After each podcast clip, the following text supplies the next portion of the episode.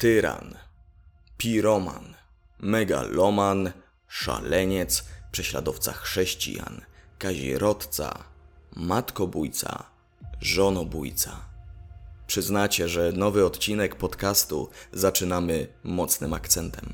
Ale faktem jest, że Nerona tak się właśnie dzisiaj nazywa, a jego historia przez wieki sprzyjała temu, by tworzyć różne mity i je powielać. Więc należy po tym czasie krzyknąć: Sprawdzam i dowiedzieć się, ile jest prawdy w niektórych relacjach. Czytaliśmy o nim w Quo Vadis, a w Biblii odwoływał się do niego sam apostoł Paweł. Przez najróżniejsze źródła znamy go dzisiaj jako jednego z najokrutniejszych cesarzy w historii Imperium Rzymskiego, więc można poczuć to zobowiązanie, by przyjrzeć się tej postaci bliżej. Dlaczego tak jest? Dlaczego mógł być aż tak zły? Spojrzeć być może z innej perspektywy na niektóre rzeczy, niczego nie pomijając potwierdzając lub korygując to, o czym często się o nim słyszy. Jaki naprawdę był najpotężniejszy władca w tamtych czasach? Czy rzeczywiście był takim imprezowiczem? Czy to on nakazał podpalenie Rzymu? Jeśli nie, co spowodowało, że wielu wciąż tak uważa? Czy chętnie i uparcie prześladował chrześcijan? Czy zabił swoją matkę i żonę, która była w ciąży, co jest czymś bez wątpienia obrzydliwym? Jakim w ogóle był władcą oraz jaki był prywatnie? Neron to kolejna postać, której się przyjrzymy w 17 odcinku podcastu o jakże wiele mówiącej nazwie Ludzie, którzy zmienili świat. Nazywam się Wiktor Hoffman i robię wszystko, co w mojej mocy, by pokazać Wam prawdziwe oblicze osób, które wpłynęły na nasz świat. Czy to pozytywnie, czy negatywnie. Jeszcze tak daleko nie cofnęliśmy się w czasie. Rzecz jasna, możecie spodziewać się biografii osób z całej znanej nam historii. Moi drodzy, jeśli irytują Was moje podziękowania w każdym odcinku za to, że mnie słuchacie, to wybaczcie, ale chwilę po dodaniu tego odcinka prawdopodobnie przekroczę barierę 100 tysięcy odtworzeń moich odcinków i nie potrafię inaczej. Muszę Wam podziękować. 100 tysięcy. To jest 6 cyfr. Niesamowite uczucie. Nie wiem, co mam Wam powiedzieć. Nie sądziłem, że takie liczby tak szybko uda mi się osiągnąć. Pamiętajcie, że jeśli chodzi o podcast, jakiekolwiek rady czy propozycje odcinków z chęcią od Was zawsze przyjmę, bo jestem dla Was. Możecie na mnie liczyć. Zwłaszcza te słowa kieruję w kierunku moich dotychczasowych i aktywnych patronów, którym chciałbym podziękować. Łukaszowi, Samuelowi, Kindze, przyznaję się, to moja żona, która przecież nie musi mi nic wpłacać, ale to robi. Dziękuję bardzo. Krzyśkowi, Mateuszowi, Przemysławowi i osobie z prześlicznym imieniem Wiktorowi. Bardzo doceniam, że zdecydowaliście się mnie wspomóc. Jestem do Waszej dyspozycji. Znajdziecie mnie również na stronie Ludzie, którzy zmienili świat na Facebooku, do której zachęcam Was, żebyście ją polubili i ogromnego kopa daje mi również to, jak ocenicie mnie na Spotify czy Apple Podcasts. Dobra, już nie przedłużając, zapraszam Was na bardzo ciekawy odcinek o Neronie. Przyjemnego słuchania. Na początku powiedzmy sobie, w jaki sposób Neron doszedł do władzy. Dlatego niewątpliwie warto poznać jego rodziców, zwłaszcza jego matkę, która w życiu naszego bohatera odegra ogromną rolę. Gnejusz, Domicjusz Achenobarbus i Agrypina młodsza to niewątpliwie ciekawe postacie. Jego ojciec był totalnym idiotą. To i tak delikatnie powiedziane. Był to człowiek bardzo zły i sadystyczny, niezwykle nieobliczalny. Gnejusz był wysoko postawionym urzędnikiem. Organizował również wyścigi rydwanów, ale zdarzało się, że nie wypłacał nagród zawodnikom, przez co stracił sporo szacunku. Dochodziło do tego, że potrafił umyślnie potrącić końmi chłopca idącego z krajem drogi. Bo tak. Poza tym był cudzołożnikiem i kazirodcą, ale co do kazirodztwa to była bardzo częsta praktyka w tamtych czasach wśród wysoko postawionych w Imperium Rzymskim, więc zwłaszcza w przypadku Gnejusza to nic zaskakującego. Do samego kazirodztwa jeszcze w tym odcinku przejdziemy. O Agrypinie w tym odcinku powiemy zdecydowanie więcej. Była siostrą Kaliguli, cesarza rzymskiego od 37 roku naszej ery, który był strasznym szaleńcem, jak pewnie większość z Was wie. Fakt, że Agrypina i Kaligula byli rodzeństwem, według Swetoniusza, nie przeszkadzał im, by utrzymywali kontakty seksualne.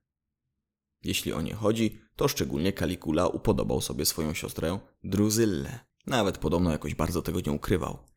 Agrypina według źródeł była pięknej urody. Już gdy miała 12-13 lat, wyszła za mąż za Gnejusza. Około 9 lat później, w 37 roku naszej ery, na świat przyszedł nasz dzisiejszy bohater, Lucjusz Domicjusz Achenobarbus. Dzięki temu Gnejusz dostał się do rodziny cesarskiej. Miał powiedzieć później ze mnie i z Agrypiny nie mogło powstać coś dobrego. Więc od samego początku zapowiadało się nieźle. Można powiedzieć, że mały Lucjusz życie miał już ustawione, bo niedługo przed jego narodzinami cesarzem został Kaligula, jego wujek. Ale nowemu cesarzowi niedługo później zaczęło odbijać. Postradał zmysły. Był bardzo niebezpieczny i nieokrzesany. Matka Nerona, Agrypina wraz z inną siostrą brały udział w spisku, który miał na celu zamordować ich brata i przerwać jego rządy. Nie udało się, a w konsekwencji Agrypina została wygnana na Wyspy Poncjańskie, na których często zamykano zdrajców i więźniów politycznych. Niedługo później zmarł ojciec Nerona na tak zwaną puchlinę wodną, więc o dziwo nikt tego złego człowieka nie zamordował, patrząc przez pryzmat tamtych czasów i reputacji Gnejusza. Mały Lucjusz przyszły cesarz, na jakiś czas został oddany w opiekę ciotki od strony ojca. W 41 roku zły Kaligula umiera. Precyzując, zostaje zamordowany przez spiskowców. Nowym cesarzem zostaje Klaudiusz, stryj Agrypiny, który odwołuje matkę Lucjusza z zesłania. Dopiero później Lucjusz przyjmie imię Neron. Jego matka czym prędzej zaczęła sobie szukać bogatego, renomowanego męża. To należy w tym miejscu powiedzieć. Agrypina miała niezwykle mocne parcie do władzy. Była w stanie zrobić wszystko, by ją posiadać. O tym się jeszcze przekonamy. Po dwóch latach na wyspach miała w sobie potężną potrzebę zrekompensowania sobie upokorzeń, które otrzymała od brata. W Imperium Rzymskim nie patrzyło się na to, czy ktoś był zajęty, czy nie. Najwyżej się kogoś otruje albo zaćga. Nie patrzono, czy ktoś jest szwagrem, stryjem, kuzynem albo mężem czy żoną swoich przyjaciół. Liczyły się tylko interesy i władza. I Agrypina intensywnie zaczęła szukać sobie kochanka, który pomoże jej do tej władzy dojść. I udało jej się to. Upodobała sobie niejakiego Gajusza Salustiusza Cryspusa Passiena, który był żonaty z jej byłą szwagierką. Bardzo mnie bawią te powiązania. Nie musiała za bardzo znanego z opowiadania licznych dowcipów Kasjana Kryspusa podrywać, bo on sam podekscytował się, że zabiegająca o jego względy Agrypina jest w rodzinie z cesarzem Klaudiuszem, jest jego bratanicą. Na rozkaz cesarza Kryspus Pasjen rozwiódł się z dotychczasową żoną i poślubił matkę przyszłego cesarza Nerona. A ta była zadowolona, bo zdobyła nowego męża, który jest przy kasie. Co do jego byłej żony, to kogo by to tam interesowało? Teraz był bliżej cesarskiej rodziny.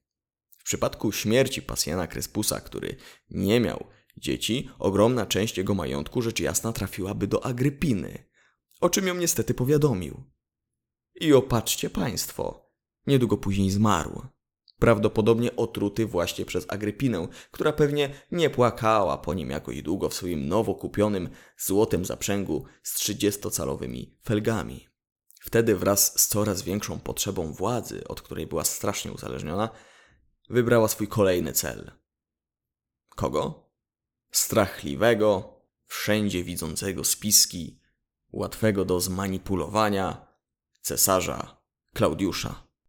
Problemem było to, że Klaudiusz miał wtedy żonę, swoją trzecią, niejaką Messalinę. Straszną nimfomankę. To miałem zgubić. Była naprawdę atrakcyjną kobietą i uwielbiała seks. Była od niego uzależniona, przez co liczba jej kochanków spokojnie przekroczyła liczbę trzycyfrową. Gdy Klaudiusz był zajęty odbudowywaniem potęgi po rządach wariata Caliguli, ta skakała z boku na bok. Wraz z Klaudiuszem mieli dwójkę dzieci. Przymierzanego do tronu Brytanika i Oktawię, która Agrypina upatrzyła sobie jako żonę dla Lucjusza Domicjusza, swojego syna, którego Messalina nienawidziła. Widziała go jako konkurencję dla Brytanika. W ogóle Messalina była osobą, która wszędzie widziała zagrożenia dla jej władzy. Klaudiusz miał podobnie. I w sumie nic dziwnego, bo w starożytnym Rzymie te zagrożenia i chęć władzy czyhały na każdym kroku. Sama Agrypina przecież chciała ją wygryźć. Brytanika też widziała jako konkurencję dla swojego syna. Żona Klaudiusza po obchodach 800. rocznicy założenia Rzymu chciała nawet uśmiercić Lucjusza Domicjusza, bo była zazdrosna, że tłum głośniej wiwatuje na jego cześć niż na cześć jej syna. Ale w 48 roku, gdy Lucjusz Domicjusz zbliżał się do ukończenia 11 lat, Messalina postanowiła pod nieobecność męża poślubić jednego ze swoich kochanków, niejakiego Gajusza Syliusza, jednego z senatorów, czym dopuściła się bigami. Była nadal przecież żoną cesarza Klaudiusza. Można się domyślić, że ówczesna cesarzowa chciała pozbyć się swojego męża i dyrygować Rzymem po swojemu. Cesarzem miałby później zostać jej syn Brytanik. Ale sytuacja wyszła na jaw. Klaudiusz, gdy się o tym dowiedział, postanowił, że zgładzi Gajusza i swoją żonę Latawicę. I tak się stało. Agrypina przeszła do ofensywy. Matka Lucjusza była jedną z najbliższych, jak nie najbliższą krewną w tamtym czasie cesarza Klaudiusza. Mógł pomyśleć, że ta z racji bliskich powiązań rodzinnych będzie mu lojalna i będzie go wspierać w sprawach politycznych, więc ostatecznie postanowił się z nią ożenić. W 49 roku Agrypina została cesarzową i zaczęła zwalczać konkurencję. Od jakiegoś czasu, już o tym wspominaliśmy, upatrzyła sobie Oktawię jako żonę dla swojego syna, który miał być przyszłym cesarzem. Oktawia miała tylko 10 lat, ale od 8 lat była już zaręczona z chłopakiem wysokiego rodu, który mógł zagrabić w przyszłości władzę należącą do niej i jej rodziny. W dniu ślubu jej i Klaudiusza narzeczony Oktawii, świadomy braku szans i porażki, popełnił samobójstwo. Nie wiadomo, czy został do tego zmuszony przez groźby Agrypiny, czy nie, ale wszyscy mieli świadomość, że był na jej celowniku. I dla niej jego śmierć była po prostu najlepszym scenariuszem. Agrypina im bliżej była u władzy, tym była coraz bardziej perfidna i bezlitosna. Kiedy już została żoną cesarza, otrzymując od senatu nawet zaszczytny tytuł Augusty, uśmiercała i skazywała na wygnania kogoś, kto mógł zagrozić jej władzy. Często robiła to czysto profilaktycznie. Klaudiusz Niedługo później, w 50 roku, oficjalnie adoptował Lucjusza Domicjusza, który od tamtej pory nazywał się Neron Claudius Drusus Germanik Cezar. Tym samym syn cesarzowej zaczął mieć takie samo prawo do władzy jak Brytanik, który był o 4 czy 5 lat młodszy. Agrypina patrzyła na Brytanika jedynie jak na konkurenta do władzy. Najwyższa pora na to, żeby powiedzieć coś więcej o samym Neronie. Młodziutki, rudowłosy, piegowaty, nie był młodzieńcem pięknej urody. W sensie nie dlatego, że był rudowłosy i miał piegi, bo nie, nie o to chodzi, ale wyraz jego twarzy, nieprzyjemne rysy i tendencja do tycia po prostu nie pomagały. Może jako mały chłopczyk wzbudzał sympatię swoim wyglądem, ale z roku na rok było coraz gorzej. Za to przyszły cesarz z biegiem lat coraz bardziej lubił sztukę i to na swój sposób go upiększało, tyle że wewnętrznie. Rzeźbił, malował i śpiewał. Również grał na różnych instrumentach. Można powiedzieć, że miał duszę artysty, wręcz trzeba to powiedzieć. Przykuwał do sztuki w swoim życiu wielką wagę, ale o tym się jeszcze przekonamy, że nawet w obliczu ciężkich chwil nie zapominał o poezji i aktorstwie. Pisał swoje utwory. Źródła wskazują na to, że robił to sam, a nie, że ktoś mu dyktował. Choć podobno jego poezja była mocno krytykowana nie tylko z racji jej jakości. Przyszłości nie będzie to na miejscu, by ten jako cesarz występował przed publicznością, zwłaszcza w obliczu problemów w państwie. Będzie mu to wiele razy odradzane. Wiele rzeczy zaszczepili mu jego wychowawcy, którzy również zapoznawali go z kulturą grecką i egipską. Osobą, która miała na niego niezwykły wpływ, był rzymski filozof i pisarz Seneca młodszy. Seneca zaczął kształcić Nerona, gdy wrócił z zesłania z Korsyki dzięki Agrypinie, a trafił tam wcześniej przez poprzednią żonę cesarza Klaudiusza, do którego miał sporą niechęć. Wpływ wybitnych wychowawców Nerona był na nim niewątpliwie widoczny. Jako adaptowany syn cesarza pokazywał się z lepszej strony niż Brytanik. Był bardziej inteligentny i już jako młodzieniec zaczynał udzielać się politycznie, wygłaszając kwieciste mowy w senacie i nie tylko.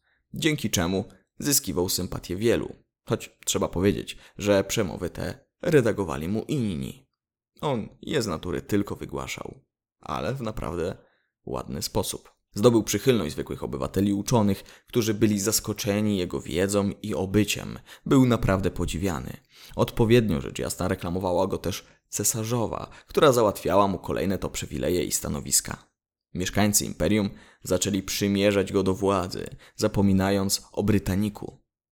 Jeśli chodzi o sport, to Neron uwielbiał jeździć konno i na rydwanach, i na powozach, sam z wielką chęcią wyścigi rydwanów oglądał, a one cieszyły się wtedy wielką popularnością. Wyróżniano cztery drużyny: zieloną, białą, niebieską i czerwoną, czyli pierwszą w historii skuderię Ferrari z żywymi końmi, a nie jednym w logo. Tacy woźnicy zarabiali naprawdę sporo.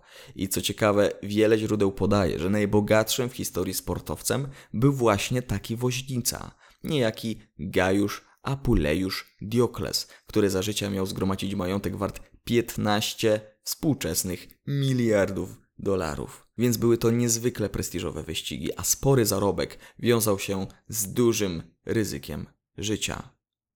Neron był fanem zielonych, podobnie jak Caligula. Co do rzeczy rozgrywających się w różnych amfiteatrach i arenach, Koloseum miało powstać niedługo później, to dla wielu może to być zaskakujące, ale Neron nie był fanem walk gladiatorów. Uważał je za barbarzyństwo. Co za tym idzie, pokonanym wojownikom już jako cesarz często albo prawie zawsze darował życie, nawet przestępcom. Więcej o Neronie powiemy przy okazji kolejnych wydarzeń w jego życiu, ale właśnie taką osobą był jeszcze przed rządami. No właśnie, jak do tego doszło, że został cesarzem? Jak już powiedzieliśmy, fakt, że Neron został adoptowany przez cesarza Klaudiusza pozwolił mu wystartować w wyścigu po władzę. Coraz bardziej tej władzy pragnęła jego matka, która jako żona cesarza pokazywała się jako chciwa, pyszna i próżna.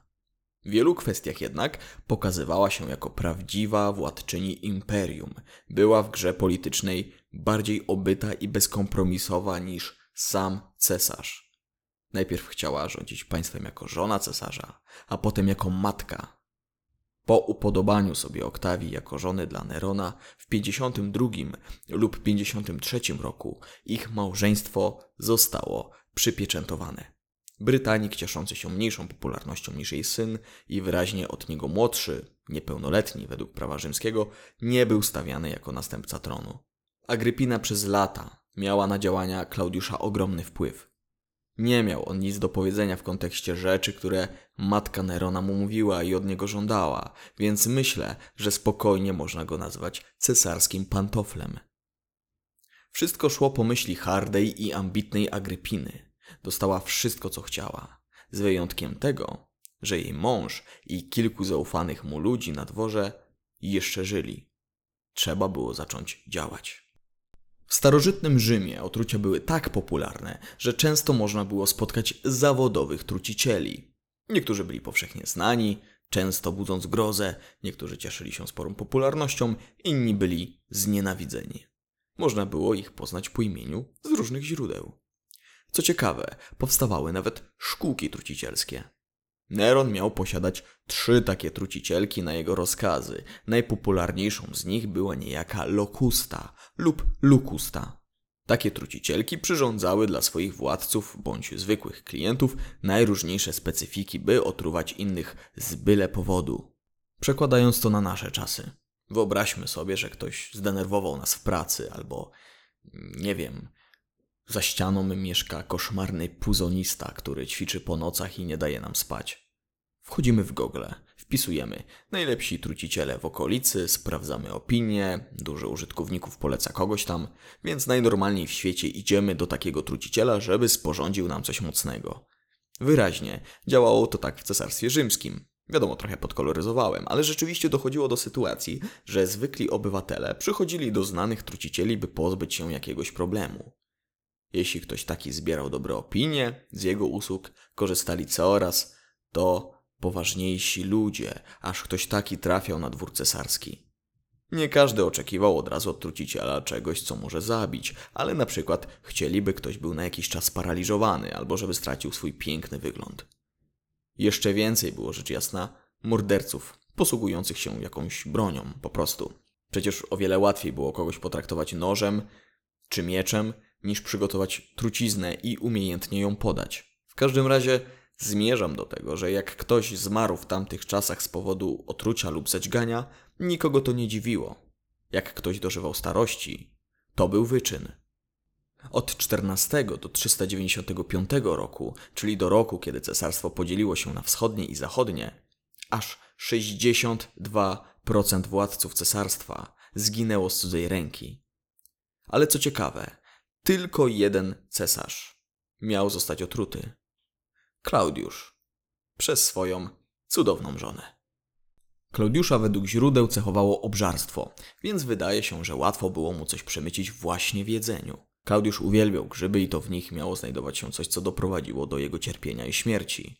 Agrypina musiała przekupić i wtajemniczyć sługę Klaudiusza, który sprawdzał potrawy, i jego lekarza, by ci nie powstrzymali próby morderstwa. Możliwe, że to wspomniana wcześniej Lukusta przygotowała truciznę lub użyto po prostu trujących grzybów, np. muchomora czerwonego czy spotykanego w tamtych rejonach muchomora plamistego. Skutki ich spożycia są bardzo podobne do tego, co odczuwał Klaudiusz. Grzyby takie mogą powodować wymioty czy potężny ból brzucha. To jego lekarz jednak postawił kropkę nad i, zamaczając specjalne pióro do wywoływania wymiotów w truciźnie, by chwilę później wsadzić je władcy do gardła pod pozorem udzielenia pomocy. Cesarz zmarł w wieku 64 lat. Następca Klaudiusza mógł być tylko jeden.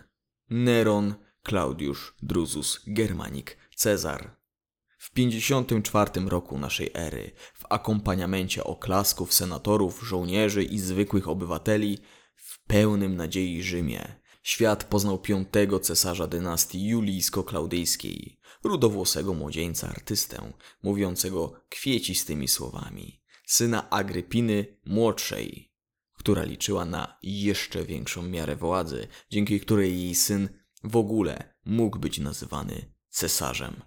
Chyba nikogo nie zdziwi fakt, że Neron na początku swojego panowania był dla swojej matki bardziej jak służący niż jak ktoś, komu należy się podporządkować. Agrypina rozdawała karty w imperium, wciąż rzecz jasna pozbywając się swoich przeciwników czy potencjalnych zagrożeń, których nie mogła się pozbyć za życia Klaudiusza. Przecież był on wtedy dla nich ochroną. Doskonale wiedziała, co się dzieje w państwie, bo dochodziło do tego, że podsłuchiwała obrady Senatu. Do tego wokół siebie miała zaufanych, wysoko postawionych ludzi, którzy bali się jej zagrozić, często jej donosili. No i wiadomo, cesarzem był jej 17-letni w momencie przejęcia władzy syn, czyli sytuacja była pod każdym względem pod kontrolą. Agrypina nie miała w zwyczaju ukrywać tego, że tak naprawdę to ona posiada pełnię władzy. Co do samego cesarza Nerona, to na samym początku chętnie współpracował z Senatem, uchwalając ich pomysły, a do tego odznaczał się skromnością, co Rzymowi bardzo imponowało, bo wielu już w przeszłości praktycznie od razu kazało budować swoje posągi ze złota krótko po tym, jak zostali cesarzami. Zniósł również niektóre uciążliwe podatki. Widocznie nie chciał narobić sobie na samym początku wrogów. Wystarczało, że jego matka ze spokojem mogła sobie ich narobić.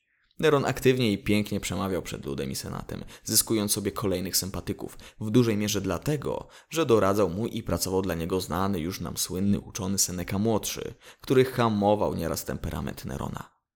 Jego wpływ i decyzje, które podejmował za Nerona, powodował, że początek jego władzy można uznać za PR-owy sukces. Popularność Nerona wzrastała. Na jego korzyść przemawiał też fakt, że zażegnany został kryzys na wschodzie, w Armenii, należącej do cesarstwa. Kryzys związany z królestwem Partów, którzy wkroczyli na tamtejsze tereny, ale sytuacja się uspokoiła, a ludzie dziękowali za to Neronowi, gdzie nie do końca była to jego zasługa. Natomiast co robił, nazwijmy to, po godzinach, kiedy nie musiał trzymać się języka dyplomacji i pięknie przemawiać przed podwładnymi? Różne źródła podają, że młody Neron był konkretnym imprezowiczem. Wykorzystywał swój wigor, by często wychodzić w przebraniu na miasto z kumplami, by nieco się zabawić, zrelaksować czy narozrabiać. Jego nocne, imprezowe życie mocno kontrastowało z tym, co doświadczał na swoim dworze i bardzo mu się to podobało. Neron brylował nawet w najbardziej ubogich dzielnicach przebrany za niewolnika. Potrafił wtedy ostro wypić, konkretnie się czymś popisać, a nawet od czasu do czasu wdać się w jakąś bójkę. Możliwe, że razem ze swoją bandą czasami włamywał się do sklepów, raz po raz coś w mieście niszcząc. Bawił się świetnie. To też pokazuje, jak bardzo ważna dla niego w życiu była zabawa. Ostrożnie patrzyłbym na relacje o tym, że Neron z innymi miał zaczepiać kobiety czy innych przechodniów, by ich napastować. Tak po prostu, bo mu się zachciało. Rzetelne źródła tego nie potwierdzają, że czynił bezpodstawnie komuś wielką krzywdę na ulicach Rzymu. Nie potwierdza też tego to, że obywateli Rzymu raczej to bawiło, że Neron tak spędza noce. Przysparzało Neronowi to popularności. Wielu doceniało, że sam cesarz może i da im po twarzy raz po raz po jakiejś kłótni, ale pogada ze zwykłymi ludźmi, zejdzie do nich i postawi im kielona. Dostać w twarz od samego cesarza to był przywilej. Gdyby na wielką skalę wraz ze swoją bandą napadał i bardzo szkodził innym niewinnym, odzew Rzymu byłby inny, gorszy dla Nerona, zważywszy na to, że tak naprawdę cesarzem był od niedawna. Można więc powiedzieć, że była to rzeczywiście rzecz, która przysparzała mu popularności i oryginalności wśród innych cesarzy w historii. Jednoznacznie pokazywała, że polityką to on za bardzo się nie interesował. Nigdy się nią nie zainteresuje. Wykorzystywał władzę do czegoś innego, a politykę zostawiał Senece czy innym doradcom lub, rzecz jasna, swojej matce. Zdarzało się jednak w historii rzymskiego imperium, że nowemu władcy nie udało się przeżyć nawet roku u szczytu władzy ale raczej Neronowi to nie groziło. Chociaż, cóż, wiadomo, że w Imperium Rzymskim zawsze choć trochę to groziło. Mimo tego, że Neron był przez wielu dobrze odbierany, bo naprawdę dobrze się pokazywał, to jednak zaczęła już kiełkować w nim chęć władzy i kontroli za wszelką cenę. Podsycała w nim to uczucie jego matka, która mówiła mu, że będą takie czasy, gdy inni będą chcieli go zdjąć z tronu i w takim duchu go wychowywała. Mówiła mu to, co sama czuła, bo sama obawiała się o to, że kiedyś znajdzie się ktoś, kto będzie chciał ją oderwać od władzy. Dojrzewał Brytanik. Zbliżały się jego czternaste urodziny. Powoli wchodził w pełnoletność. Neron dostrzegał, że jego przybrany brat wciąż może być dla niego naturalną konkurencją. Doszło do jego otrucia podczas jednej z wielkich uczt na dworze. Wszyscy dosłownie widzieli, jak Brytanik umiera w męczarniach w momencie, gdy Neron uspokajał. Spokojnie, to tylko atak. Ciało Brytanika spolono tej samej nocy w pośpiechu. Pogrzeb zorganizowano szybko. Nie chciano wprowadzać sensacji. Mimo tego Rzym wiedział, kogo to sprawka. Agrypiny i Nerona, który odwracał ich uwagę w kolejnych miesiącach innymi sprzyjającymi imperium decyzjami. Otrucie było przez wielu uważane jako logiczny wynik gry politycznej, rywalizacji między braćmi. Jednocześnie stanowi to zwiastun kolejnych lat jego rządów i bardziej brutalnych decyzji. Krótko podsumowując, Agrypina dobrze i pewnie czuła się u władzy. Jej imprezowy syn, jak sobie powiedzieliśmy, polityką nie za bardzo się interesował, więc zostawiał wolną rękę swojej matce. Za niektóre rzeczy odpowiedzialny był Syneka młodszy, za jeszcze inne niejaki Sextus Afraniusz Burrus, tak zwany prefekt pretorianów, potężny wpływowy urzędnik, dowódca rzymskich wojsk. To właśnie oni byli najbliższymi doradcami Nerona w momencie, gdy Agrypina raczej robiła swoje. Czuła się aż zapewnie. Jej decyzje spowodowały kilka dyplomatycznych gaw. Najbliższe otoczenie Nerona zaczęło oskarżać jego matkę o spisek, z biegiem czasu sam Neron dostrzegał, że jego matka stanowi jego rywalkę. Zaczął być bardziej ostrożny.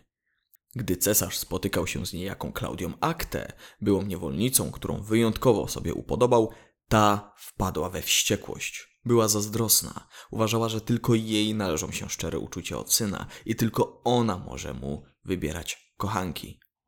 Doszło do gruźb i rozkazów w kierunku cesarza. W Neronie wtedy coś pękło. Wynik tej sytuacji był taki, że cesarz wyrzucił matkę z pałacu, pozbawił jej wielu wygód i obstawy wojskowej. Można sobie wyobrazić, jaki był to cios dla Agrypiny, która uważała, że tylko dzięki niej Neron posiadł taką władzę i że tyle dla niego zrobiła. Agrypina była zdruzgotana, rozwścieczona, rozpłakana. To był początek końca matki cesarza na dworze. Neron po tych wydarzeniach zaczął umacniać swoją władzę. Gdy Agrypina nie miała już takich wpływów, mógł najbliższe otoczenie dostosowywać już do siebie. Nadal jednak nie można powiedzieć, żeby nagle zainteresował się bardzo polityką. Decyzje w państwie pozostawiał wciąż Senecej Burrusowi, ale po odejściu Agrypiny był nieco bardziej pewny siebie na dworze. Pozwalał sobie na coś, co jego matka mu odradzała. Niedługo później upodobał sobie kolejną kobietę, która w naszej historii odegra niebagatelne znaczenie. Będzie gwoździem do trumny jego matki, Popę Sabinę, starszą od cesarza, słynącą z piękna i scenionych zabiegów kosmetycznych, które wykonywała. Dziennie dojono około 500 oślic, by mogła wykąpać się w ich mleku. Jej mąż Oton słynął z dobrej opinii. Miał bliskie relacje z samym Neronem i bardzo możliwe, że człowiek ten tak wychwalał swoją żonę w niebogłosy, że cesarz zechciał mu ją skraść.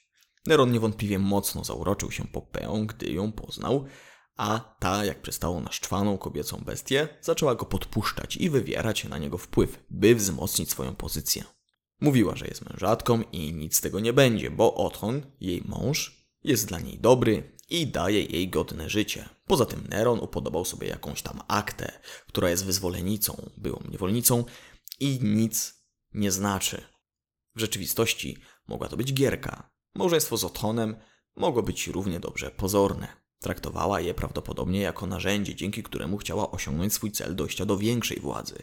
Uderzała ona w ambicje Nerona i wydaje się, że jeszcze bardziej go to napędzało, żeby ją zdobyć, by nie przegrać w tych staraniach. Odesłał więc jej męża do Luzytanii, terenów dzisiejszej północnej Portugalii i części Hiszpanii, by tam przewodził cesarstwu. Tym samym odłączył go od jego żony.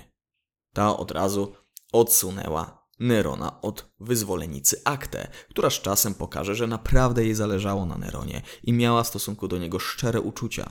Popea strasznie manipulowała Neronem. Wchodziła mu na ambicje, sugerowała, że inni mają na niego wpływ, że musi uważać na swoją matkę i czemu odkłada tak długo ślub. Jeśli to przez Oktawię, to musi czym prędzej coś z nią zrobić, przecież nawet jej nie kocha. Przejawiała wiele cech Agrypiny. Również była żonna władzy, nie wyobrażała sobie dopuścić innych kobiet w otoczenie cesarza. Poczuła władzę i zapragnęła ją utrzymać. Powiedziała, że jak nic się nie zmieni i jak nie zrobi nic jej potencjalną teściową, to ona wróci do Otona i nie będzie chciała z Neronem mieć nic wspólnego. Neron miał więc wybór. Albo ona, Popea Sabina, albo jego matka, która doprowadziła go do władzy, ale też nieraz go już zawiodła i przełożyła swoje dążenia i swoją rządzę zaszczytów nad nim. I Popea osiągnęła swój cel. Neron dokonał wyboru. Postanowił pozbyć się matki. Agrypina zdziwiła się, gdy Neron wysłał jej bardzo przyjemny list, zapraszający ją do jego widli w bajach niedaleko Puteoli przy Morzu Tyrreńskim. Owszem, była zdziwiona, ale jednocześnie też pewnie uradowana. Pewnie pomyślała, że Neron jest w stanie się z nią pogodzić, a ta mogłaby odzyskać swoje jakiś czas temu stracone wpływy. W marcu 59 roku Agrypina przypłynęła na obchody jednego z rzymskich świąt do Bajów, a tam na wybrzeżu czekał już na nią Neron. Ten czule ją przywitał, spędzili później ze sobą naprawdę dobre, miłe chwile. Jej syn miał jej dziękować za wszystko, co dla niego zrobiła. Z perspektywy jego matki mogłoby się wydawać, że wszystko jest już dobrze. Pomyślała, że to wielkie pojednanie ze swoim synem, że w końcu zmądrzał i zobaczył, jak głupio postąpił, faworyzując inne kobiety, nie trzymając się jej zaleceń. Po obchodach święta czule się pożegnali. Agrypina wsiadła na specjalnie dla niej podstawiony statek, a ten niedługo później się roztrzaskał. Z rozkazu Nerona. Przyznacie, że niewątpliwie było to coś o wiele bardziej kreatywnego niż zwykłe otrucie oraz też coś, co nie wzbudzało takich podejrzeń. Statek ten miał być specjalnie na tą okazję skonstruowany tak, żeby dach w trakcie katastrofy się zawalił, przygniatając pasażerów, więc wszystko było doskonale przemyślane. Ale Agrypinie udało się z tej katastrofy jakimś cudem uciec. Miała żywa stawić się na brzegu. Neron, jak to usłyszał, stanął na równe nogi. W tym momencie wiedział, że czym prędzej trzeba będzie ją zabić, bo ta mogła nie uwierzyć w ten przypadek, jakoby statek w dziwnych okolicznościach się rozbił. Prosił najbliższe otoczenie o rady, by ktoś sam zasugerował, że trzeba ją zabić. Nie chciał wydać tego rozkazu wprost. Był spanikowany. Ostatecznie wysłano jego ludzi, by ją zabili. Niedługo później jej ciało spalono. Do końca życia miały mu towarzyszyć wyrzuty sumienia związane z tym ponurym dniem i decyzją, którą zdeterminowała Popea. Nie zapominajmy, że to ona go do tego nakłoniła. Nie można powiedzieć, że Neron pozbył się matki z zimną krwią i bezlitośnie. Miejmy świadomość też, jaką osobą była Agrypina. Bardzo wątpliwe, że i tak dożyłaby spokojnej starości. Jednak plugawy czyn zabójstwa własnej matki, niezależnie od czasów i miejsc, jest czymś obrzydliwym. Bardzo wpłynęło to na postrzeganie Nerona dzisiaj. Warto jednak pamiętać, że nie dopuścił się tego z obojętnością, a decyzja ta była napędzana przez jego nową panią, która bardzo pragnęła władzy dla siebie. Oficjalna wersja, która poszła w świat, była taka, że Agrypina popełniła samobójstwo po tym, jak wysłany przez nią posłaniec, który w rzeczywistości poszedł do Nerona powiadomić go o jej przeżyciu, próbował go zabić. Zainscenizowano zamach, który cesarz miał przeżyć, ale nikt go tamtej nocy zabić nie chciał. Cesarzowi składano ofiary i gratulacje, a ten pogrążony smutku udawał, że ta wersja była prawdą. Wielu jednak wiedziało, że czczą matkobójcę, który źle to przeżył, ale skutki psychiczne będą u niego widoczne w następnych latach. Po tych wydarzeniach stał się bardziej. Hmm, Neronem, jakiego znamy. Myślę, że to jest dobre określenie. Później nadszedł czas na Oktawię, Popea, oczekująca w kolejce do małżeństwa, nakłoniła niezbyt sprzeciwiającego się Nerona do porzucenia Oktawii jako żony z racji jej oficjalnie bezpłodności. Cesarz musiał podać powód z racji, że córka Klaudiusza cieszyła się sporą sympatią. Jakoś to musiał wytłumaczyć obywatelom. Doszło do rozwodu, a kilkanaście dni później Neron poślubił Popeę. Oktawia została wygnana, co spotkało się z nieprzychylnością narodu. Później została zabita pod pretekstem rzekomego cudzołóstwa. Wszystko rzecz jasna było reżyserowane, zmyślone. Odradzał tego m.in. doradca Burrus, który niedługo później zmarł, podobno na raka gardła. Choć wiadomo, wszystko możliwe. Głowa Oktawii w ramach dowodu jej śmierci wróciła do Popei. Źródła dowodzą, że mogła zostać ją nawet obdarowana, że jej głowa, głowa Oktawii, miała być dla niej prezentem. Neron się po tych wydarzeniach zmienił. Robił więcej rzeczy, których nie robił wcześniej i uważał, że nikt mu tego nie zabroni, bo rzeczywiście nie miał kto mu tego zabronić. Po śmierci Agrypiny i Burrusa ze swojej pracy doradcy zrezygnował Seneca młodszy, hamujący wcześniej niejednokrotnie popędy, zapędy cesarza. Nie miał kto blokować decyzji władcy, który z roku na rok miał już ulegać coraz większej obojętności względem państwa i jego obywateli. Nowi doradcy nie mieli takiej głowy na karku jak Burrus czy Seneca, którzy mądrze decydowali o ważnych rzeczach w imperium. Neron mógł oddać się swojemu życiu bez ludzi, którzy mówili, co będzie dla niego dobre, a co nie, co cesarzowi wypada, a od czego ma się powstrzymać. Przecież to on jest cesarzem. On teraz może robić, co mu się żywnie podoba. Neron dużo czasu poświęcał swoim pieśniom i grze na instrumentach. Organizował wiele imprez. Chciał się pokazać jako wielki artysta. Pragnął występować publicznie, by pokazywać swój talent, a jego występy wśród zamożnych i wysoko postawionych polityków były odbierane z niemałym niesmakiem. Ale Neron przykuwał też uwagę do budownictwa, do rozrostu Rzymu. Budował amfiteatry i tory konne, czy też stadiony, swoje prywatne również, w których mógł się pokazywać, jak dobry jest w powożeniu koni. Przy każdej nadającej się okazji chciał się pokazywać jako energiczny, potrafiący robić wszystko cesarz. Pamiętajmy, że wciąż był bardzo młody. W momencie, gdy jego matka została zamordowana, ten miał 21 lat. Choć pod względem jego wyglądu i dodatkowych wielu kilo na zaniedbanym ciele, trudno było go posądzać o to, by wszystko mógł robić najlepiej. Neron dużo czasu poświęcał na organizowanie imprez okolicznościowych, turniejów, czy igrzysk, w których swoje umiejętności mogli pokazać najróżniejsi atleci czy artyści, nie tylko z samej Italii. To Neron w 59 roku wymyślił Juvenalia, czyli tłumacząc na nasze święto młodości, gdzie młodzież i nie tylko umilała sobie czas za pomocą różnych zabaw, imprez, festynów i wydarzeń sportowych. Co ciekawe, zaczęło się to od jakże ważnego ceremoniału zgolenia przez niego po raz pierwszy w życiu swojej brody, co nie wiadomo czemu w Rzymie miało jakieś wielkie znaczenie i było powodem do imprezy. Rzymianie tych powodów do imprezowania wymyślali mnóstwo. Więc jak pójdziecie na juwenalia studenckie, to pomyślcie o tym, że nazwał tak i zapoczątkował to w pewnym sensie cesarz Neron, który rozpropagował tę imprezę po tym, jak się ogolił. Ma to sens?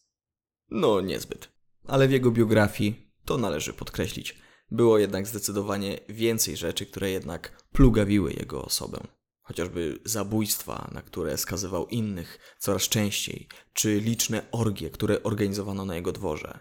Neron miał też dopuścić się gwałtu, za co oczywiście kary żadnej nie poniósł, choć kary za to były w tamtych czasach straszliwe. Niektórzy oskarżają go o kazirodcze stosunki ze swoją matką i tutaj zalecałbym ostrożność w stosunku do tego oskarżenia. Nie wykluczajmy tego, ale nie stawiajmy w żadnym wypadku zapewnik. Rzetelne źródła tego nie podają. Wspominał o tym Swetoniusz, którego już wcześniej przetoczyłem, mający dostęp do wielu archiwów w pierwszym i drugim wieku naszej ery, ale ten czasami lubił zapisać i powielić jakąś plotkę bez jej potwierdzenia. Był strasznie nieprzychylny w stosunku do Nerona, więc mógł pisać pod wpływem niechęci do władcy. Mógł być nieobiektywny, gdzie jednocześnie inne źródła nie potwierdzają tego jednoznacznie, że tak było. W różnych kwestiach miał sporo racji, ale trzeba brać jego podejście do Nerona pod uwagę. Niezwykle trudno znaleźć jakieś inne pismo z tamtych czasów, które nawet to sugeruje, więc nie idźmy w tym kierunku, że na pewno współżył z własną matką. Tutaj zacytuję super wstęp do artykułu z Onetu, który beznamiętnie powiela takie informacje. Gdy żona dowiedziała się, że Neron sypia z matką, przestała z nim współżyć, dając wybór ona albo ja. Cesarz zdecydował się zamordować własną matkę. Szczerze to nie wiem o co w tym chodzi, no bo jaka żona? Że niby Oktawia szantażowała Nerona, z którym miała skomplikowane czysto polityczne relacje, która, nie chce mi się wierzyć, nie wiedziała, że Neron ją zdradzał? Bardziej pasuje to do Popei, która została jego żoną jakieś trzy lata po śmierci Agrypiny i owszem, sugerowała i zachęcała go do morderstwa Agrypiny, ale nie było mowy o żadnym seksie między nimi, więc nie wiadomo o co tu chodzi. Jeśli się bardzo uprzemy, to kazirodcą teoretycznie nazwać go możemy, ale w kontekście współżycia ze swoją przybraną siostrą i jednocześnie żoną, Oktawią. Za to kwestia homoseksualizmu Nerona wydaje się już być czymś znacznie bardziej oczywistym i udokumentowanym.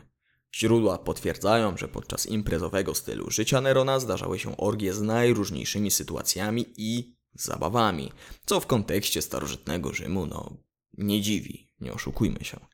Nie chcę jakoś bardzo w to wchodzić, ale wydaje się, że bardzo nasiliło się to w ostatnich latach życia Nerona. Miał nawet brać śluby homoseksualne, Ująłbym to w kategorii ślubów nieoficjalnych, więc nie wdawajmy się w ten temat jakoś bardzo. Nie ma on wielkiego znaczenia, ale spokojnie można powiedzieć, że miał swoje przygody miłosne z facetami i chłopcami w różnym wieku. Do tego męska prostytucja była czymś powszechnym w starożytnym Rzymie. Jednego kochanka miał nawet wykastrować, by ten bardziej przypominał kobietę. Notabene ten kochanek miał się później za nią przebierać. Podobno towarzyszył do ostatnich chwil życia cesarza. Swetoniusz, który opisywał ekscesy seksualne wśród cesarzy, wspominał, że Neron miał się przebierać również za dzikie zwierzę, które chwilę po wyskoczeniu z klatki dobiera się do swoich przywiązanych w cudzysłowie ofiar, niezależnie od płci.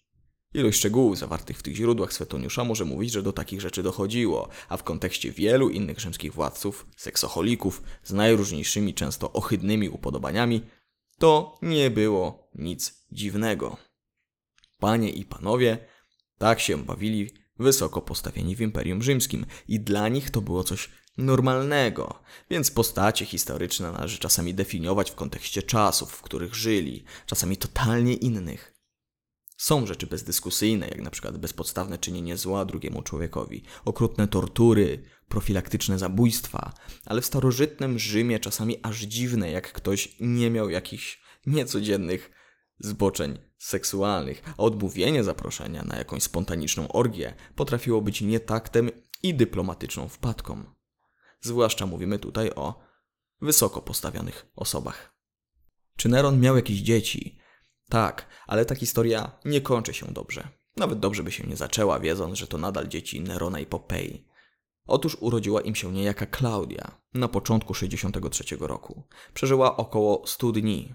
Zmarła wskutek choroby dziecięcej. Zrozpaczeni rodzice stwierdzili, żeby zaliczyć ją w niebiański poczet bogów, co było kontrowersyjną decyzją, zważając, że Klaudia Augusta nie wypowiedziała ani jednego słowa. I rzeczywiście groteskowa ceremonia ubóstwienia jej doprowadziła niejednego do niemałego grymasu. Śmierć jego córki był jednym z tych momentów, który zmienił psychikę Nerona. Było to dla niego przykre wydarzenie, które przyczyniło się do tego, jak definiujemy go dzisiaj, a niedługo później doszło do znanego głośnego wydarzenia w Rzymie. Ale dojdziemy do tego za chwilę. Pewnie domyślacie się już o co chodzi. Działalność misjonarska apostoła Pawła odegrała kluczową rolę w rozwoju chrześcijaństwa w I wieku naszej ery. Przekazywanie nauk Chrystusa spotkało się z pozytywnym odzewem wśród wielu ludzi, którzy się nawrócili, ale też ze sporymi prześladowaniami nowej chrześcijańskiej wiary. Inne wartości i idee oraz niepopularne dla innych zwyczaje w zborach chrześcijańskich spotykały się ze sporą niechęcią władz i obywateli rzymskich, wśród których nadal wielu nie odróżniało ich od Żydów, a to był błąd. Mimo nieprzychylnych czasów kolejne zbory chrześcijańskie powstawały na terenie Imperium Rzymskiego, również w samym Rzymie. Pod koniec dziejów apostolskich pisarz Łukasz wspomina, że apostoł Paweł przebywał w Rzymie. Dlaczego akurat tam? Bo po aresztowaniu, spiskach i niesprawiedliwych oskarżeniach ze strony Żydów zdecydował, że odwoła się do cesarza Nerona, by czekał za potencjalnym wyrokiem w bardziej sprzyjającym Rzymie, a nie w Jerozolimie, gdzie czekał na niego podburzony tłum i prawdopodobnie nieprzychylny wyrok. Obywatele rzymscy, a apostoł Paweł takie obywatelstwo posiadł, mieli takie prawo, by odwołać się z oskarżeniami i wyrokiem do cesarza, czyli najwyższej instancji. Apostoł Paweł, wiedząc co mu przysługuje i jak traktuje się Rzymian, nie omieszkał częściej posługiwać się swoim rzymskim imieniem, a nie hebrajskim Saul. Przetransportowano go więc do Rzymu. Tam mógł żyć względnie normalnie, bowiem nie był w typowym więzieniu. Mógł wynajmować mieszkanie i przyjmować w nim gości czekając na wyrok. Tyle, że był pod ciągłą obserwacją rzymskich żołnierzy. Napisał tam nawet kilka znanych nam z Biblii listów, przykład do Efezjan czy Filipian. Historia ta obejmuje okres od 58 do 61 roku. I co? I Neron, który według relacji biblijnej spotkał się z Pawłem i zapoznał z jego sprawą, wypuścił go, by ten mógł dalej głosić nowinę o Chrystusie. Nie widział jego winy. Tutaj widzimy jeszcze obraz Nerona jako człowieka, który jest wyrozumiały i ma jakieś choć szczątkowe poczucie sprawiedliwości. Być może był wtedy już trochę ostrożny co do chrześcijan, ale na pewno nie pałał do nich tak wielką niechęcią czy nienawiścią, by skazywać ich bezpodstawnie na śmierć. Za to w 65 roku apostoł Paweł w Rzymie tym razem już skuty łańcuchami czekał na śmierć. Neron zapewne osobiście wydał na niego wyrok. Tym razem Paweł nie mógł liczyć na przeżycie. Co się zmieniło w tym czasie? Co się zmieniło od 61 roku do 65? W lipcu 64 roku w Rzymie wybuchł ogromny pożar, który z racji konstrukcji miasta opartego na wąskich uliczkach i blisko znajdujących się koło siebie budynków szybko się rozprzestrzeniał. Według Tacyta źródło ognia miało miejsce w sklepach z rzeczami łatwopalnymi w okolicach Cyrku Wielkiego. Akcje gaszenia utrudniały ogromne tłumy mieszkańców uciekających w popłochu. Pożar trwał około 6 dni. Pięciu lub sześciu dni, jakoś tak. W tym czasie spłonęła ogromna część Rzymu. Podobno, podobno z 14 dzielnic nienaruszone pozostały jedynie 3 czy 4. W momencie wybuchu pożaru Neron nie znajdował się w mieście, ale szybko do niego powrócił, nadzorując gorliwie akcję gaszenia rozprzestrzeniającego się żywiołu. Ze wzgórza często obserwował, jak ogień trawi jego miasto. Nieprzychylni mu ludzie szybko rozsiewali plotki, że Neron z zachwytem patrzy na to, jak ogień trawi miasto, że recytuje utwory i gra na lirze w momencie, gdy znikają kolejne części wiecznego miasta. Spora część Rzymu uważała, że to właśnie Neron wydał rozkaz podłożenia ognia. Powód? Różne się znalazły. Na przykład nienawiść do ludzi, chęć zbudowania nowego Rzymu, nowych budowli pod siebie. Inni mówili, że to po prostu dzieło jego chorego umysłu, że chciał doświadczyć czegoś nowego, chciał pięknej scenerii dla swojej gry na instrumentach i recytacji. Nawet współcześnie utwory takie jak Quo Vadis mogą nawet takie rzeczy napędzać i wielu do takiego myślenia nakłaniać. Nie będę wspominał o Swetoniuszu, którego jak można się domyślić fantazja w kontekście Nerona poniosła i tym razem. Cesarzowi nie pomagały błyskawiczne plany odbudowy Rzymu. Ludzie wtedy myśleli, że jak już w końcu ogromna część miasta się zwolniła, to tyran od razu czym prędzej może je budować tak jak chce.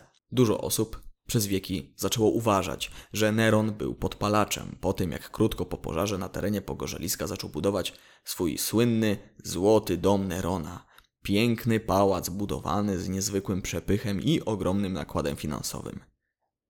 W rzeczywistości miasto odbudowywał naprawdę mądrze, bo nowy pomysł na Rzym zdecydowanie zmniejszał ryzyko pożaru w przyszłości. Odległości między budowlami i szersze ulice sprawiały, że nawet jeśli pożar by wybuchł, to na pewno nie rozprzestrzeniałby się tak szybko. Zadbał też o to, by w domach znajdowały się przyrządy pomagające w gaszeniu ognia. Tacyt mówi, że Neron z własnych pieniędzy organizował pomoc humanitarną i nadzorował dostawy żywności. Zaopiekował się mieszkańcami w dobry sposób. Trzeba obiektywnie to powiedzieć. Mało tego, ogień strawił kompleksy należące do Nerona, których na pewno nie chciał, żeby spłonęły. Jakby podłożył ogień, no to chyba bardziej w części, gdzie to ryzyko utraty własnego mienia byłoby o wiele mniejsze. Dużo z siebie dał po tym pożarze, ale krytykujący go Rzymianie w tamtym okresie raczej o tym nie wspominali. To nie jedyny raz, kiedy Rzym płonął, bo płonął wielokrotnie, wcześniej, przed 64 rokiem i później. Dla przykładu, ostatni pożar w Rzymie miał miejsce w lipcu 2022 roku. Tylko wiadomo, że łatwiej było poradzić sobie z tym żywiołem, bowiem korzystano z helikopterów, które zrzucały wodę. Rzym po prostu lubi się palić. Są źródła, które podają, że pożar nie był jakiś ogromny i że nie spłonęła aż tak ogromna część miasta. To postać Nerona może sprzyjać powstawaniu mitów i legend na temat tego wydarzenia, a zaznaczmy jeszcze raz, pożary w Rzymie nie są niczym wyjątkowym. Inne, podobne czy nawet o wiele większe i groźniejsze, były za czasów Witeliusza, Tytusa, Antoninusa Piusa czy Oktawiana Augusta, ale nikt nie słyszy, żeby ktoś ich posądzał o podpalenie. Postać Nerona, jak i coraz mniejsza popularność cesarza po prostu temu sprzyjała, by go o to oskarżyć. I w Rzymie zaczęło się o tym mówić coraz głośniej, więc Neron musiał działać. Musiał znaleźć kozła ofiarnego. I tak zaczęło się ogromne prześladowanie chrześcijan. To oni zostali wyznaczeni na kozła ofiarnego po słynnym pożarze. Neron przedstawił ich jako odpowiedzialnych za to, co się stało. Wielu zaczęło mu wturować, z racji, że chrześcijanie i tak mieli już wtedy zszarganą opinię i ich życie wiązało się z prześladowaniami. Jak przystało na Rzymian, byli żądni krwi. Neron chciał przekazać chrześcijanom, że to on jest Bogiem w Rzymie, że to jego miasto i jego imperium, więc należy czcić jego lub innych byłych cesarzy wpisanych w poczet bogów rzymskich. I koniec kropka. Pierwsi chrześcijanie nie zamierzali czcić tych bogów. Byli neutralni politycznie i odłączali się od życia społecznego wątpliwych moralnie obywateli rzymskich, którzy byli bardzo przywiązani do swoich wierzeń i tradycji. Wiemy, jaki styl życia wiedli ci ludzie. Aresztowany apostoł Paweł i wielu, wielu innych chrześcijan straciło swe życia. Neron uczynił z ich zabijania koszmarne widowiska. Wypuszczał ich na arenę, by ci stanęli oko w oko z dzikimi zwierzętami, z którymi nie mieli żadnych szans. Publicznie zostali przybijani żywcem, palono ich, torturowano, ścinano, okaleczano. Wszystko na pokaz. Na pokaz siły Nerona. W rzeczywistości ten człowiek był bardzo słaby. Niewielu mogło liczyć na szybką śmierć. Wszystko w cieniu absurdalnych oskarżeń, które nie miały nic wspólnego z prawdą, gdzie wszystko zaczęło się od domniemań, podejrzeń. Następnie doszło do pożaru i plotek na temat Nerona, a ten musiał znaleźć winnych. Chrześcijanie umierali i cierpieli, bo byli inni, neutralni i spokojni. Po prostu nie pasowali do układanki, którą był Rzym Nerona. Zostali potraktowani straszliwie i bardzo niesprawiedliwie. Powiedziałbym, że obrzydliwie, z całą pewnością. Otrzymywali koszmarne kary za kłamstwa. Nikt nie chciał ich zrozumieć. Spotykali się z ignorancją. Rzymianie lubili to widowisko. Neron był jego prowodyrem, inicjatorem i to kolejna rzecz, która definiuje go jako tyrana i jednego z najokrutniejszych. Być może kilka lat przed pożarem nie doszło by do takich prześladowań. Wtedy może byłby inny, ale niestety, by bronić później swojego imienia, był gotów na takie kroki. Niedługo później znów pokazał, jak zdemoralizowany jest. W następnym roku, po powrocie do Popei, późnym wieczorem, z jednej z imprez w szale kopnął swoją ciężarną żonę w brzuch. Wiele źródeł jest zgodnych. Wiedział, że jest w ciąży. Ta wskutek tego zmarła. W kontekście wszystkich morderstw, które zadziały się z jego decyzji, to jest jedno z tych, które pokazują, jakim był człowiekiem i że na usprawiedliwienie nie zasługuje. Słusznie znany jest dzisiaj jako matkobójca i następnie żonobójca. Zabił Agrypinę z racji, że nakłoniła go do tego Popea, a później zginęła sama żona Nerona. Neron po tym wydarzeniu zaczął skazywać na śmierć wielu wysoko postawionych polityków, urzędników i ludzi wpływowych. Był świadomy, że jego koniec się zbliża, że ludzie dostrzegają, że wielkim imperium rządzi szaleniec. Człowiek, który o polityce nie ma większego pojęcia, któremu zależy tylko na zabawach i by się pokazać. Jego szaleństwa już nikt nie tłumił. Był w tym sam. No właśnie, gdyby tylko żył jeszcze Burrus lub Seneca, miałby kto go hamować. Neron osobiście później dopilnował, by Seneca cieszący się ogromną popularnością wśród Rzymian zmarł. Teraz miał i innych doradców, którzy nie mieli na niego ani na politykę państwową żadnego dobrego wpływu. Nic dziwnego, że po tych wszystkich wydarzeniach zaczęły powstawać spiski, by odsunąć Nerona od władzy. Senat zaczął z niepokojem patrzeć na decyzje i życie Nerona. Był jak tykająca bomba, która w każdym momencie może zaskoczyć jakimś chorym pomysłem. Nieudane spiski czy zamachy powodowały w nim większą chęć mordu wśród ludzi, którzy mogliby być dla niego rywalami. Imperium gospodarczo wiele traciło, Ogromny przepych i brak dobrego planowania doprowadziły do problemów. Cierpieli na tym zwykli obywatele, którym Neron, zdarzało się, konfiskował nawet majątki. Państwo zaczęło się kruszyć. Dochodziło do buntów i powstań, chociażby w Galii czy Judei. Państwo przez długi czas prowadziło wojnę z Partami w Armenii, która na pewien czas została stracona, co też na imperium musiało mieć wpływ. Ale jak już sobie powiedzieliśmy, Polityka nie odgrywała znaczenia u Nerona. Ten chciał się zająć aktorstwem. Żal po straconej żonie Popei, którą sam zabił, próbował załatać kolejną żoną. Statilią Messaliną, ale ta szybko mu się znudziła i później skupiał się już tylko na mężczyznach. To o czym mówiliśmy. Pod koniec panowania wybrał się do Grecji na długie wakacje, przedstawiając się jej obywatelom jako wielki dobroczyńca, gdy Neron przebywał w Grecji, w państwie wrzało. Senat i dostojnicy nawzajem napędzali się w nienawiści do Nerona, który sam stał się po prostu błaznem i szaleńcem. Tak był już w Imperium Rzymskim nazywany. Przez wiele lat zapewniał zwykłym ludziom rozrywkę, ale i ci zaczęli dostrzegać, że w Imperium Rzymskim nikt się nie uchroni przed jego okiem i szaleństwem. Każdy może być już potencjalnym trupem. Doszło do powstań w Galii i Hiszpanii przeciwko Neronowi. Cesarz despota był świadomy, że jego koniec się zbliża. W Hiszpanii doświadczony Galba przedstawiał mieszkańcom zbrodnię Nerona, konfiskując jego tamtejsze dobra. W Rzymie Galba miał sojusznika, niejakiego Nimfidiusza Sabiniusa, prefekta pretorianów, który miał we władaniu wielką armią. Neron był już pogodzony z losem. Wszyscy się od niego odwrócili. Nikt nie chciał wykonać jego rozkazu. Nikt nie chciał otworzyć dla niego drzwi. Nikt nie chciał złożyć pokłonu. Neron został uznany za wroga, zdradzony przez wszystkich dookoła. 9 czerwca 68 roku, po wyrecytowaniu poezji, popełnił samobójstwo, wbijając sobie sztylet w szyję. Jego ostatnie lub jedne z ostatnich słów brzmiały: Jakiż to artysta umiera we mnie, pokazując, co było ogromną miłością Nerona przez wiele lat jego cesarskiego panowania.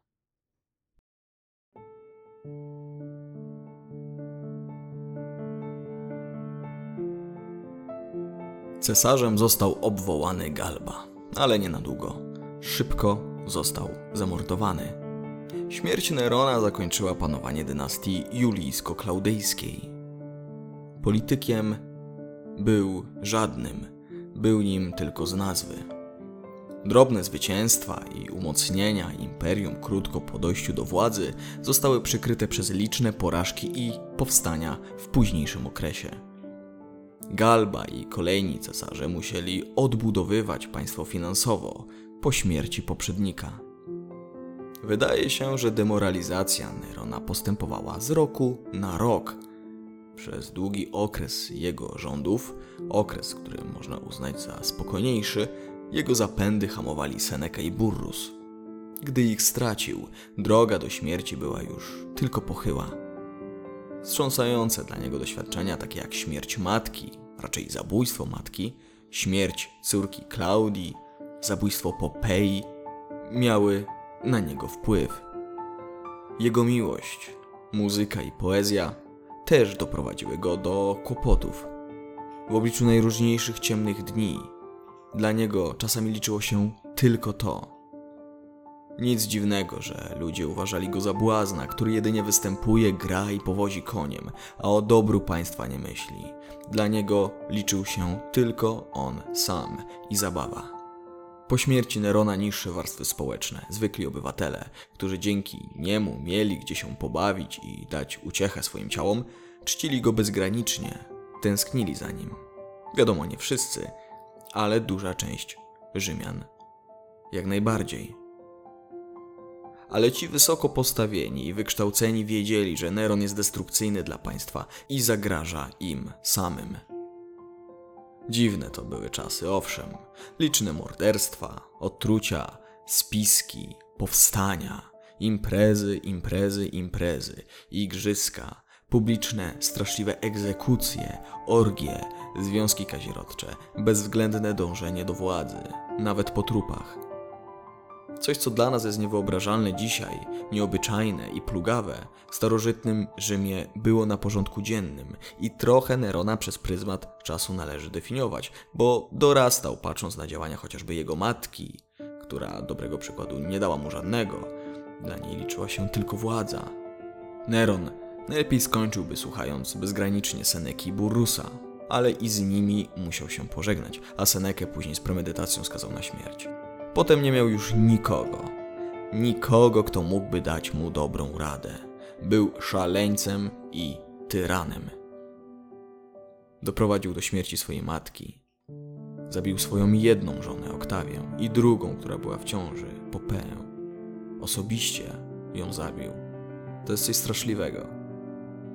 Beznamiętnie skazywał wielu, wielu ludzi na śmierć i sam ze swoich rąk śmierć ludziom dawał. Koniec Nerona zapoczątkował na jakiś czas chaos w imperium. Jakiż to artysta i tyran umarł razem z nim. Dziękuję za to, że byliście ze mną. Dziękuję za te niesamowite, w tym momencie, jakieś 99 900 odtworzeń moich odcinków. Zachęcam do polubienia strony Ludzie, którzy zmienili świat na Facebooku. Mam również Patronata slash Wiktor Hoffman i zachęcam również do oceny na Spotify i Apple Podcast.